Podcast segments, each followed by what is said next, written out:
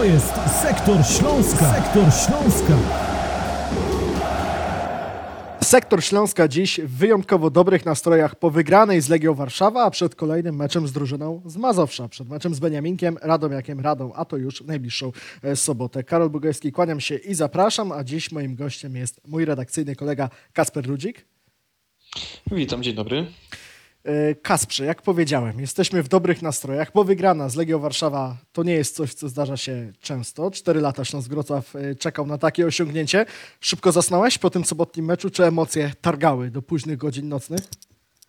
Nie, trzymały do długich godzin. Tak się jeszcze złożyło, że z moimi znajomymi byłem umówiony akurat na pewne spotkanie po meczu, także było małe świętowanie, chociaż to była akurat wypadkowa tego wieczoru, że tak się to wszystko ułożyło, więc emocje jeszcze pozwoliły do białego rana trwać.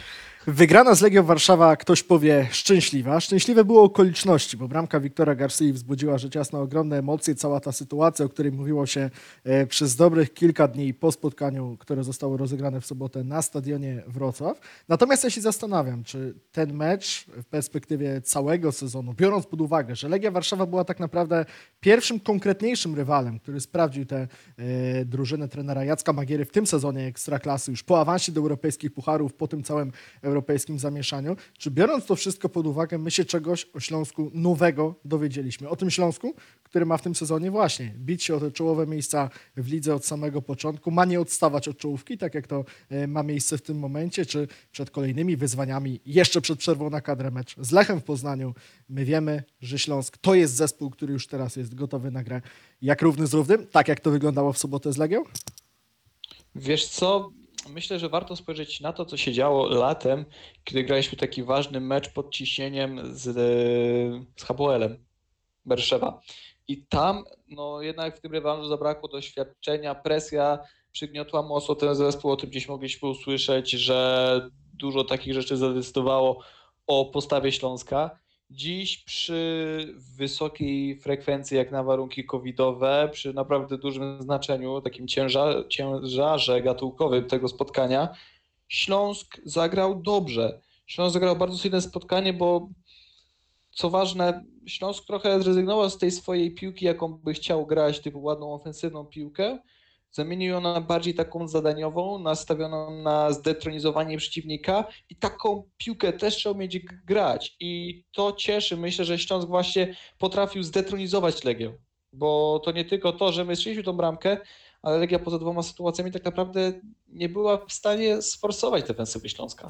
Śląsk staje się zespołem coraz bardziej konkretnym, takim właśnie ukierunkowanym na, na punktowanie i e, no, nie pozwalanie sobie na nerwowe sytuacje, których było sporo, e, na przykład w końcówkach meczów, czy z Wartą, czy ze Stalą Mielec jeszcze w końcówce e, poprzedniego sezonu.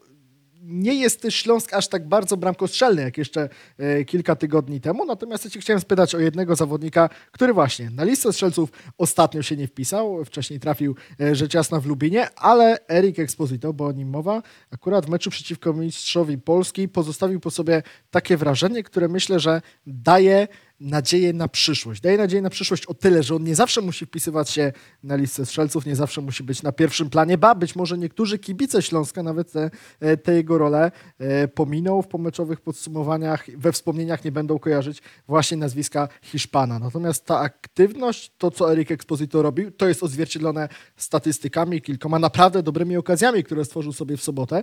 To myślę jest na wagę e, złota i te głosy o tym, że on po prostu odżył pod trenera Jaska Magiery i najzwyczajniej w świecie istnieje także w takich meczach, dużych meczach jak z Legią, w odróżnieniu od kadencji trenera Witesta Walawiczki, no to jest po prostu wszystko prawda.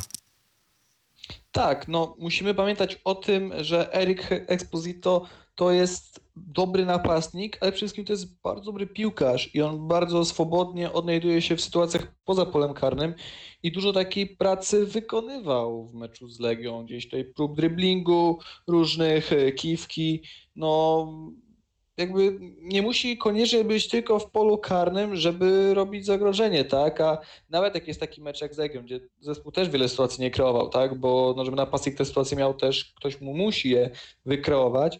W meczu z Legią było to ciężko.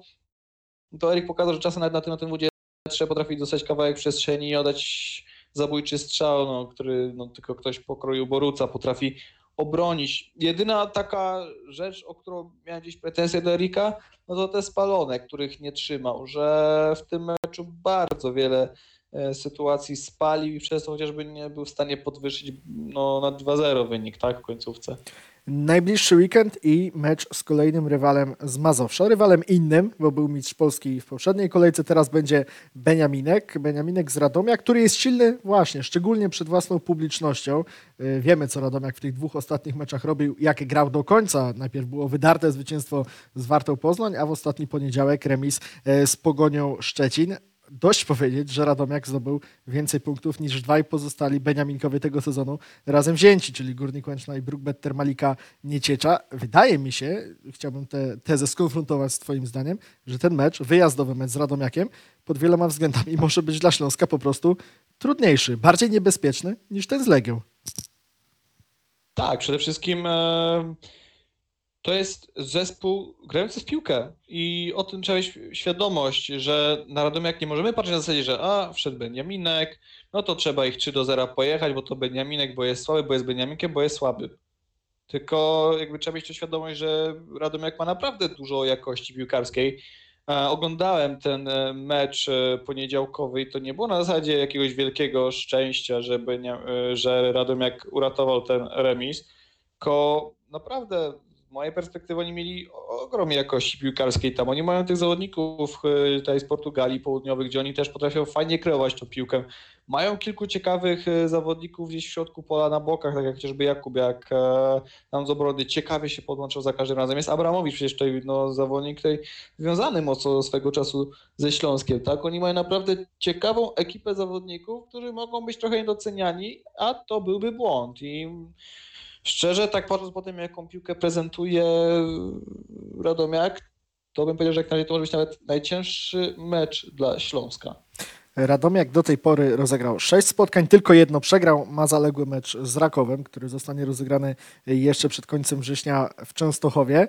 Yy, Radomiak ze Śląskiem gra w najbliższą sobotę. Wrocławianie będą chcieli podtrzymać serię meczów bez porażki. W niedzielny wieczór powiedzmy, że przez pewien czas mieliśmy nadzieję na to, że przed kolejką numer 8 Śląsk będzie już ostatnim niepokonanym zespołem w naszej lidze, no bo Lech Poznań przegrywał w Częstochowie z Rakowem 0 do 2 i był blisko utraty trzeciej bramki. Ostatecznie urwał się ze stryczka, skończyło się remisem 2 do 2 i Śląsk i Lech są e, cały czas niepokonane. A dla Śląska na horyzoncie majaczy już całkiem perspektywa, e, całkiem interesująca perspektywa, perspektywa i wspomnienie tego, co stało się dwa lata temu, gdy był niepokonany najdłużej od powrotu do Ekstraklasy, a ten powrót do Ekstraklasy zdarzył się przecież w 2008 roku. Dwa lata temu Śląsk bez porażki wytrzymał do kolejki numer 10, teraz ósme spotkanie w sezonie w Radomiu, później mecz u siebie z Wisłą Płock i wyjazd do Poznania. Kolejny taki duży mecz jeszcze przed przerwą na kadrę. Czy twoim zdaniem Śląsk ma szansę, Śląsk trenera Jacka Magiery wyrównać, a może poprawić tamten wynik